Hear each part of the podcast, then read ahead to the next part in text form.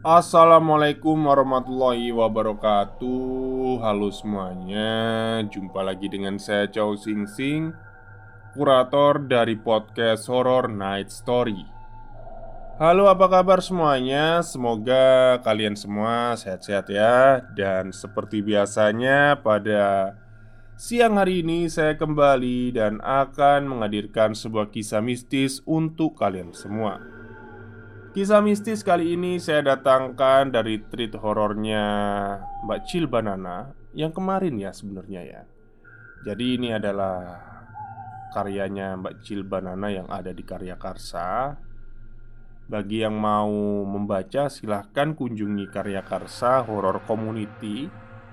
Di, sudut, eh, di situ nanti kalian bisa membaca sekaligus bisa menyumbangkan sebagian rizki kalian untuk anak-anak penderita HIV/AIDS yang ada di Yayasan Panti Asuhan Lentera Surakarta.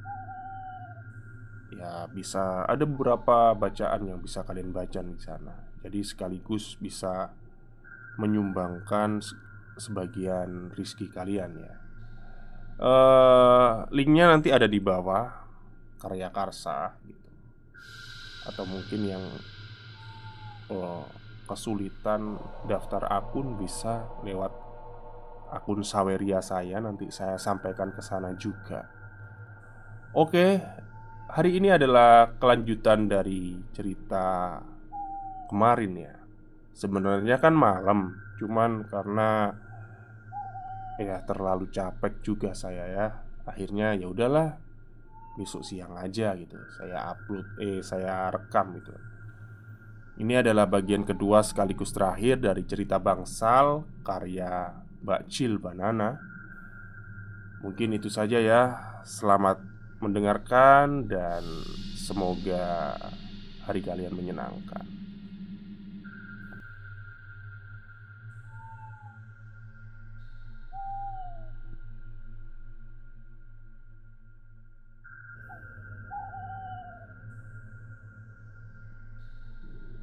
Bangsal nomor 4 Tepat sepekan sejak Pak Didin sadar dari komanya Kondisi kesehatannya pun berangsur lebih baik.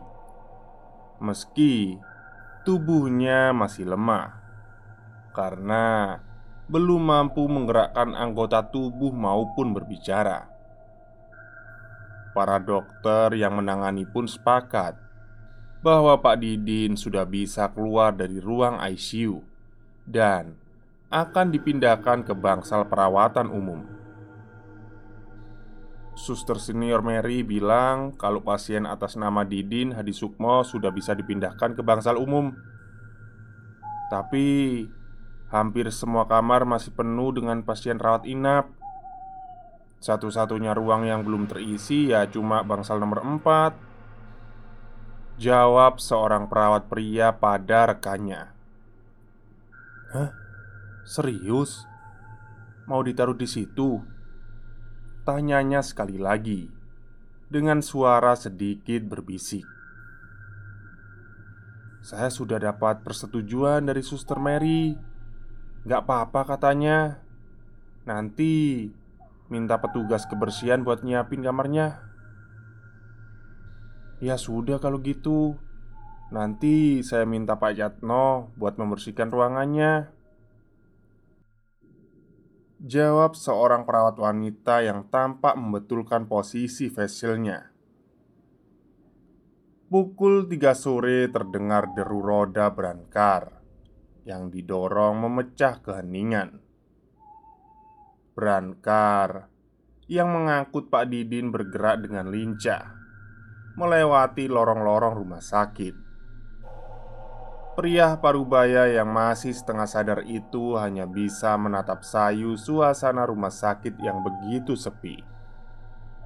Mungkin hanya beberapa orang saja yang melintas sekilas dari pandangannya. Mereka yang memakai pakaian berwarna hitam terlihat tak bergeming saat berankar yang ditumpanginya lewat begitu saja. Samar, Pak Didin juga mendengar percakapan ketiga petugas medis yang sedang mendorong berankarnya. Sepi banget ya Jen. Kalau lagi musim covid-19 gini Celetuk seorang perawat wanita yang tampak mendorong tiang infus demi mensejajarkan laju berankar. Ya gimana lagi? Kebijakan rumah sakit juga membatasi Bahkan melarang pihak keluarga untuk mendampingi pasien yang sedang rawat inap Apalagi pasien yang diisolasi karena positif corona Kadang suka kasihan sama pasien-pasien yang merasa kesepian karena nggak bisa ditemani sama orang-orang terdekatnya. Begitulah kejamnya virus ini. Penularannya begitu cepat, sangat berbahaya. Mau tak mau, kebijakan ini juga demi kebaikan banyak orang untuk mencegah lonjakan pasien agar tidak terinfeksi. Ya, tahu kalau soal itu. Cuma kondisi kayak gini jadi bikin gak nyaman. Apalagi kalau dapat shift malam. Suka bikin merinding. Hi. Diam kamu. Malah cerita horor. Tegur seorang perawat pria lainnya dengan nada sewot. Perawat pria bernama Jeno itu hanya tertawa mendengar celotehan teman-teman sejawatnya. Tak lama kemudian, percakapan itu mendadak berhenti saat mereka tiba di depan sebuah ruangan dengan pintu kayu bercat krim kusam yang masih tertutup. Ruangan itu terletak di penghujung lorong dengan pencahayaan kurang daripada lorong-lorong sebelumnya. Dina, tadi bener kan kamu sudah nyuruh Pak Yatno buat bersihin ruangannya? Tanya Jeno pada rekan sejawatnya Dina Udah kok Malah Udah dari tadi siang aku ngomongnya Ya sudah Buka gih pintunya Kok masih ditutup gini? Apaan sih kamu Zam? Kamu aja deh yang buka Cek dulu ruangannya sana Sahut perawat Dina tak mau kalah Hei, kamu nggak lihat aku lagi pegang brankar? Alah, bilang aja kamu takut kan? Ye, siapa yang takut? Kamu kali yang takut. Bantah perawat bernama Azam. Apa sih kalian? Udah diem. Gak pantas ribut-ribut di tempat seperti ini di depan pasien.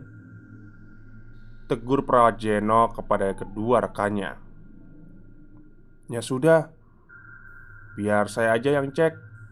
Azam, kamu kunci penahan berankarnya dulu Perawat Jeno pun berjalan santai membuka pintu bangsal nomor 4 Yang masih terlihat masih gelap dan memasukinya. Tepat saat saklar berbunyi, lampu dalam ruangan itu pun ikut menerangi. Wah, aman kok, udah bersih semua. Cuma rada pengap sih. Yuk masuk. Jelas perawat Jeno saat kembali menghampiri mereka. Dina dan Azam saling berpandangan sejenak Sebelum akhirnya mereka bertiga kembali mendorong berangkat Masuk ke dalam bangsal nomor 4 Perawat misterius Gimana Zam? Udah selesai kan kamu pasangin kabel-kabelnya? Tanya perawat Jeno Udah, udah beres semua. Ucap perawat Azam sambil mengacungkan jempol kanannya. Tina, kamu lanjutin ya masangin peralatan yang lain. Saya mau ke IGD dulu bantu suster Mary. Dari tadi dia miss call. Kayaknya lagi kewalahan menangani pasien di sana. Ucap perawat Jeno tiba-tiba. Saya juga harus pergi Tadi sudah janjian sama dokter Ginanjar Mau ngontrol pasien-pasien di ruang pavilion Sahut perawat Azam menimpali Hah? Serius? Nggak bisa apa kalian nungguin saya? Bentar lagi kelar kok ini Perawat Jeno mengangkat kedua tangan Setelah melihat layar ponselnya yang berkedip-kedip Maaf ya, ini panggilan dari suster senior. Gak enak. Perawat Jeno pun sempat berpamitan kepada Pak Didin Dan bergegas keluar ruangan. Disusul oleh perawat Azam di sebelahnya. Good luck ya Dina. Teriak Azam setengah menggoda dari kejauhan. Pak Didin memandang perawat Dina dengan tatapan sayu Sesekali Mengedipkan mata perlahan sebagai isyarat menanyakan maksud dari percakapan mereka tadi. Dina yang tak ingin membuat si pasien khawatir pun berusaha menenangkan. Pak Didin, jangan terlalu memikirkan candaan kami barusan ya pak. Yang penting Bapak harus terus berpikir positif Agar bisa cepat sembuh. Oh iya Tekan tombol ini ya pak Jika Bapak butuh bantuan apa-apa Beberapa jam sekali saya dan perawat yang lain akan mengecek kondisi Bapak Terang Dina sambil meletakkan sebuah saklar Dengan tombol kecil dekat dengan tangan kanan Pak Didin. Kret. Tiba-tiba saja terdengar suara pintu seperti dimainkan berkali-kali. Sontak, Dina pun menoleh.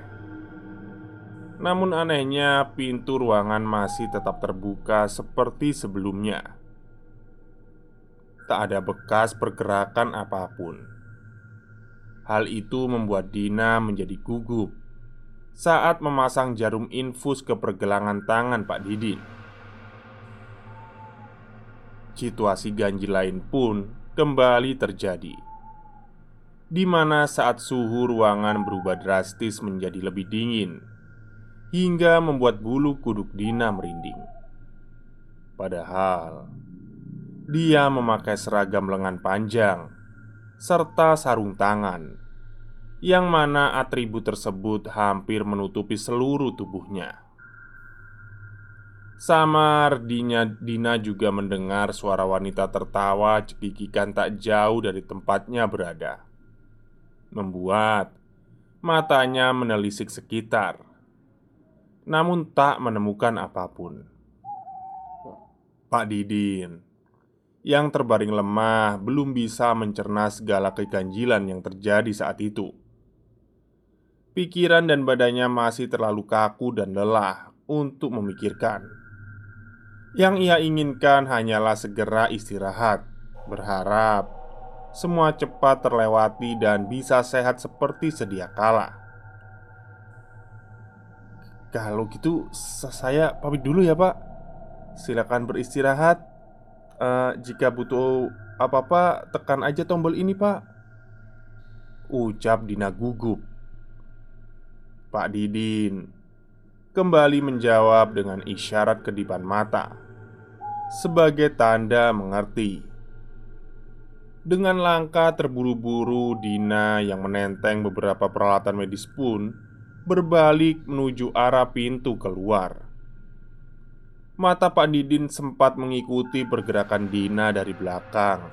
Namun, penglihatannya juga menangkap sosok perempuan berseragam perawat lain berdiri dengan kepala menunduk di depan pintu luar kamarnya. Jam 2 dini hari Malam pertama di bangsal nomor 4 masih dilalui oleh Pak Didin seorang diri. Memang terasa sunyi dan sepi karena Pak Didin belum mendapat tambahan teman dalam satu kamar. Namun, hal itu tidak terlalu mempengaruhinya karena efek samping obat-obatan yang diberikan memberi rasa kantuk yang berkepanjangan. Dokter jaga dan beberapa perawat lainnya mengunjungi sebelum jam 10 malam pukul 2 dini hari. Pak Didin terbangun dari tidurnya. Keadaan ruangan masih sama. Kesunyian melingkupi seluruh ruangan. Dia pun kembali memejamkan mata. Namun entah kenapa terasa begitu sulit. Suhu ruangan pun turun menjadi dingin hingga merasuk ke dalam kulit, membuat tubuhnya agak menggigil terdengar suara seseorang memakai hak tinggi mondar-mandir di sepanjang lorong. Pak Didin menduga mungkin saja para perawat yang sedang melaksanakan jam kontrol. Namun, setelah beberapa lama, tak ada seorang pun yang memasuki ruangan.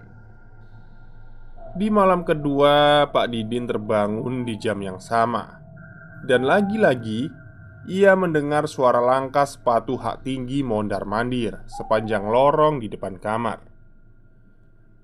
Kejadian tersebut membuatnya tak bisa tidur hingga subuh datang. Malam ketiga, Pak Didin mengalami hal serupa di jam 2 dini hari. Parahnya kali ini, dia mendengar seperti ada sesuatu yang merayap di dinding dan atap dalam ruangan. Pak Didin sampai tak berani membuka mata. Lalu terdengar engsel berderit menandakan ada seseorang yang sedang membuka pintu. Namun anehnya, ia tak mendengar suara langkah siapa pun. Selamat malam, Pak. Sapa lembut seorang wanita secara tiba-tiba. Sontak saja suara itu membuat Pak Didin refleks membuka mata. Dia menghela nafas lega saat melihat seorang perawat wanita Memakai masker mengeluarkan stetoskop Dan mulai memeriksa nadinya. Stetoskop ya? Oke lanjut. Gimana pak? Bagaimana perasaan bapak? Apa ada rasa sakit yang dikeluhkan? Tanya wanita itu lagi. Pak Didin yang masih belum lancar berbicara memilih menjawab dengan gelengan. Terlihat segurat garis simetris dari mata si perawat pertanda senyuman. Tanpa basa-basi, perawat wanita itu mengganti kantung infus lama dengan yang baru dan langsung pergi begitu saja. 15 menit kemudian seorang perawat berhijab datang sambil membawa sekantung infus di tangannya. Dia tampak keheranan melihat tiang infus Pak Didin. Loh, sudah diganti rupanya. Apa Mbak Leli ya yang mengganti? Gumamnya Liri Pak Didin melihat perawat berhijab yang sedang kebingungan itu mengeluarkan ponsel dari saku dan mengetik sebuah pesan. Beberapa menit kemudian, ia kembali mengusap layar ponselnya yang bergetar. Raut wajahnya langsung berubah pucat saat membaca pesan chat. Pak Didin tak tahu apa yang terjadi. Yang jelas, perawat berhijab itu bergegas meninggalkan ruangan tanpa mengeluarkan sepatah kata pun. Beberapa hari kemudian, Pak Didin mulai menyadari banyak hal aneh yang terjadi di kamar ini. Selain suara sepatu hak tinggi yang terdengar mondar-mandir sepanjang lorong di waktu dini hari, dia juga sering melihat gelagat aneh dari beberapa perawat yang datang terlihat ketakutan saat memasuki ruangannya.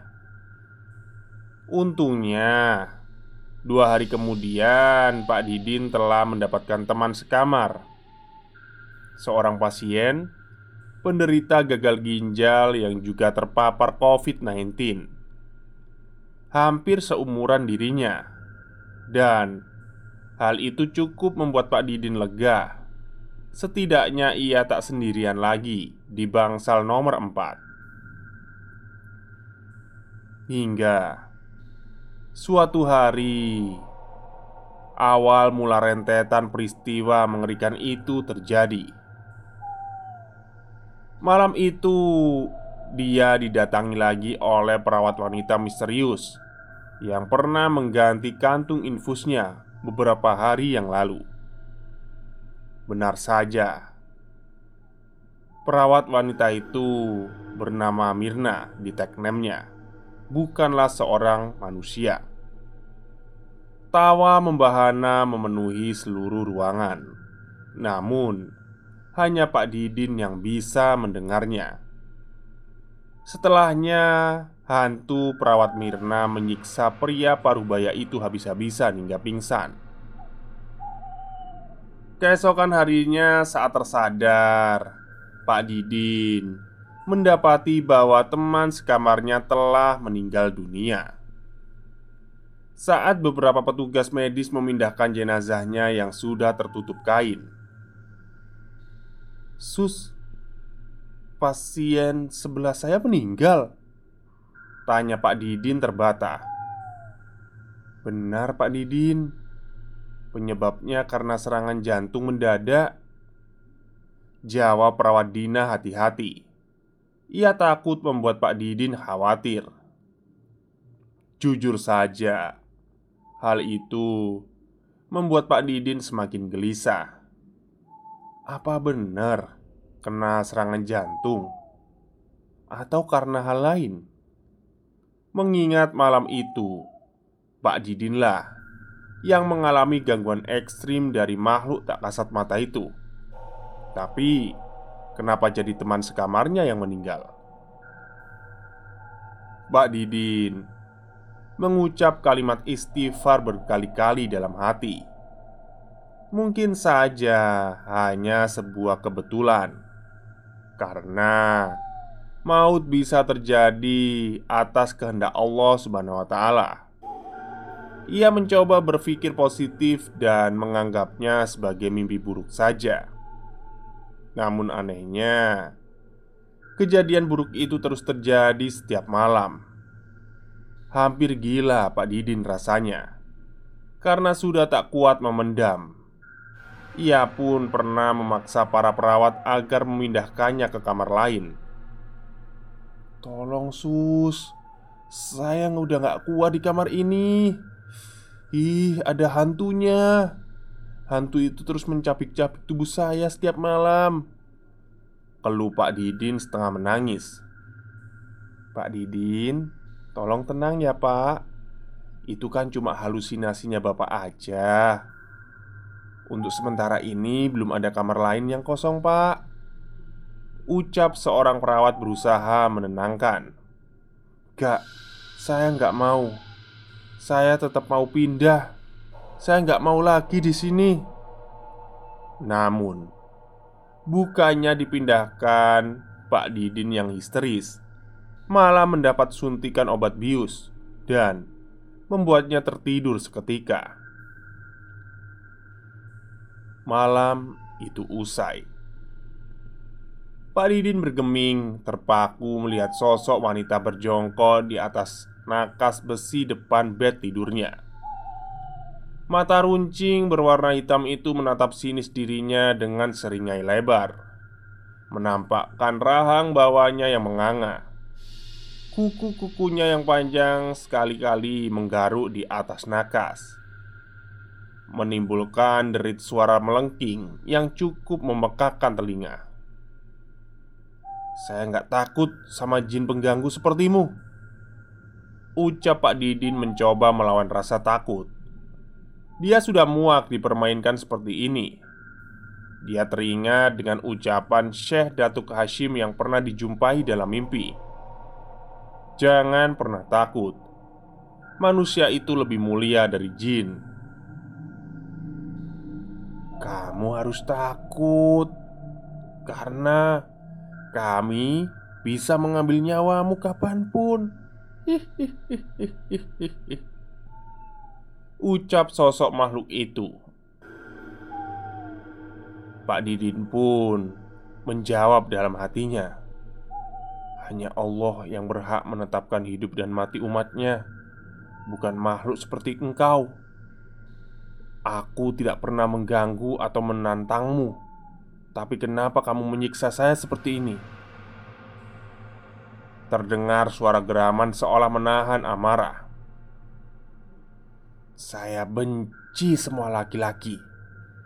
Siapa pun itu Akan saya bunuh. Sosok Berwujud perawat tersebut tiba-tiba melompat ke tempat bed Pak Didin. Malam itu Pak Didin sudah lebih mempersiapkan hati Melawan rasa takut dan melafalkan beberapa surat pengusir jin Dengan penuh keyakinan. Bacaan Pak Didin terdengar lebih lancar dan tidak terbatas seperti sebelumnya. Hal itu membuat sosok tersebut makin marah Lalu mulai mengayun-ngayunkan kukunya yang tajam ke arah Pak Didin. Brak sebuah energi yang kuat tiba-tiba menghantam keras sosok berwujud Mirna itu hingga terpental ke arah tembok. Uh, uh. Pergi kamu jin fasik. Jangan mengganggu manusia ini lagi. Jika kamu tetap melawan Akan saya buat kamu menyesal. Ucap sebuah suara yang menggema di langit-langit kamar Saya tidak takut Akan saya ganggu dia sampai mati. Saya juga akan bunuh kamu setelahnya. Bentak Mirna tak kalah menyemeramkan. Dalam mata fisik manusia Pak Didin melihat sosok Mirna berguling ke sana kemari seolah-olah melawan sesuatu yang tak terlihat.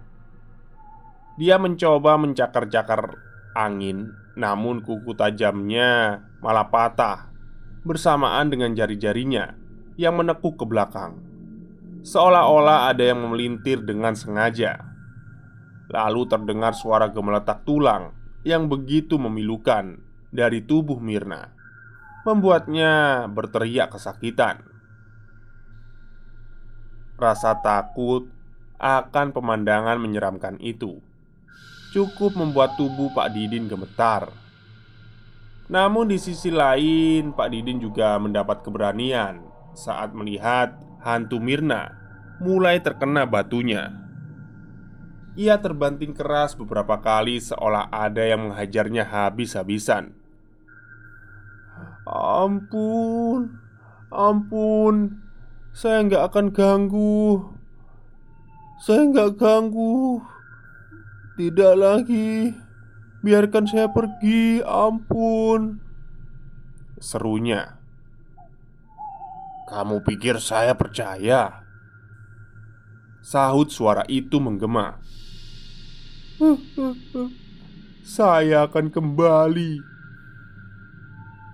Tiba-tiba saja Mirna memuntahkan cairan hitam pekat berbau menyengat di telapak tangannya. Entah bagaimana cairan itu berubah mengeras menjadi batu dan melemparkannya ke langit-langit, menciptakan sebuah ledakan besar. Mirna tertawa nyaring lalu merangkak cepat ke dinding dan menghilang di sudut ruang tergelap. Suasana pun sempat hening. Dalam sudut remang, Pak Didin melihat siluet sosok yang pernah ia kenal. Sesungging senyum nampak mereka di sudut bibirnya. Assalamualaikum Syekh Datu Hashim. Salamnya seketika. Tragedi bangsal nomor 4 Jadi yang menolong Pak Didin di malam terakhir saat berada di bangsal itu adalah Syekh Yang pernah ia temui di mimpi sebelumnya Ya, sepertinya begitu Dilihat dari perawakannya benar-benar mirip dengan beliau sih Jawab Pak Didin mencoba mengingat Lalu, Apa Pak Didin tahu alasan sosok yang menyerupai perawat itu menyiksa Bapak? Hmm, dia itu benci sama laki-laki. Pokoknya laki-laki dia benci. Bapak tahu dari mana? Sekali lagi, saya bertemu dengan sosok priai itu dalam mimpi. Kami berjalan-jalan di suatu tempat asing seperti pegunungan.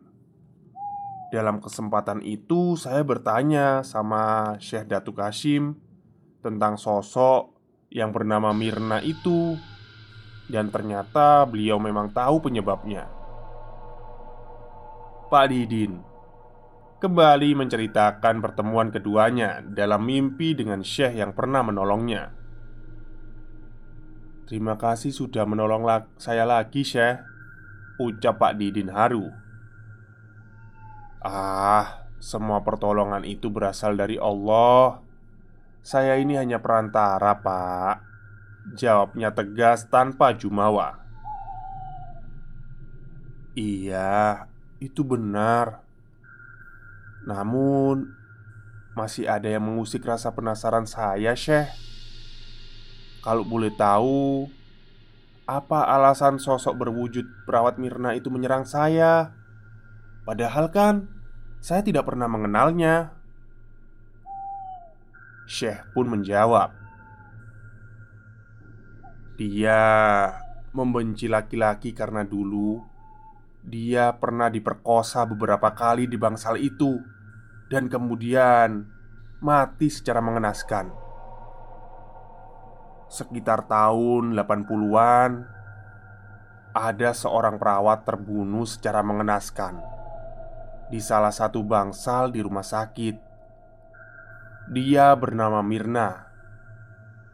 Malam itu Di bangsal nomor 4 Mirna bertugas seorang diri Kebetulan hanya tinggal satu pasien lansia di ruangan itu Tak disangka ada sekumpulan preman yang berhasil menyusup ke rumah sakit itu dan bersembunyi di bangsal tempat Mirna berjaga.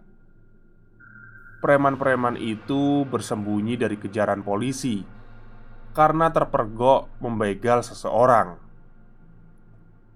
Sekitar 4-5 orang yang merasa terancam ketahuan pun akhirnya menyandra Suster Mirna. Sayangnya, dalam situasi itu, Mirna tidak dalam kondisi yang beruntung. Salah satu preman terlihat bernafsu saat melihat wajah cantiknya dan ingin segera menggagahinya.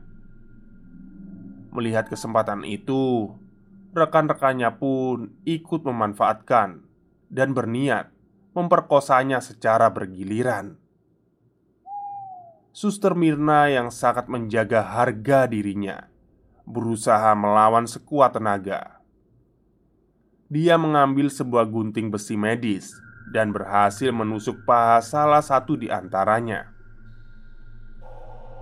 Hal itu membuat kemarahan mereka memuncak.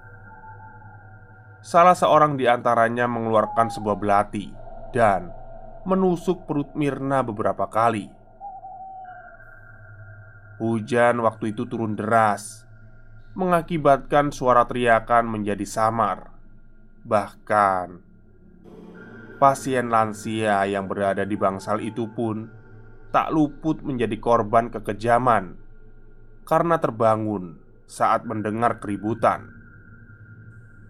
Salah satu dari mereka menghunuskan leher di leher si nenek dengan belati dan membiarkannya mati kehabisan darah.